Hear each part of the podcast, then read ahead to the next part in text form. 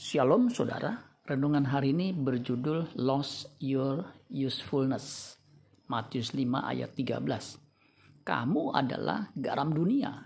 Jika garam itu menjadi tawar, dengan apakah ia diasinkan? Tidak ada lagi gunanya selain dibuang dan diinjak orang. Terjemahan The Message Matius 5 ayat 13 dikatakan begini. Let me tell you why you are here you are here to be salt seasoning that brings out the God's the God flavors of the earth, the earth, this earth. If you lose your saltiness, how will people taste godliness?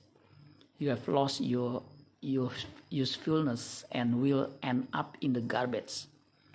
Terjemahan bebasnya, biarkan aku memberitahu kamu mengapa kamu berada di sini kamu berada di sini untuk menjadi bumbu garam yang membawa keluar citra rasa Allah di bumi ini. Jika kamu kehilangan rasa asinmu, bagaimana orang akan merasakan kesalehanmu? Kamu telah kehilangan kegunaanmu dan akan berakhir menjadi sampah.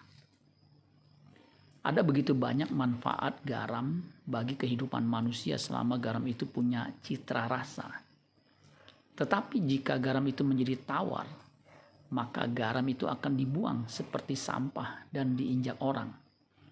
Orang Kristen disebut garam dunia. Jika menjadi tawar, maka tidak bisa diapa-apakan lagi, pasti akan dibuang. Orang Kristen yang pasif, tidak mau melakukan kehendak Allah, ia pasti ditolak dan dibuang. Setiap orang percaya diberi potensi untuk menjadi anak Allah yang bisa melakukan kehendak Allah dalam hidupnya. Untuk itu kita harus belajar kebenaran firman Tuhan sehingga kita bisa mengerti kehendak Allah apa yang baik, yang berkenan dan yang sempurna. Jika saat ini kita mulai suam-suam kuku dan tawar hati, maka kita tidak akan bisa menunjukkan kesalahan kita kepada orang lain. Siap-siap dibuang bagai sampah tak berguna. Jadilah garam seperti yang diharapkan Kristus.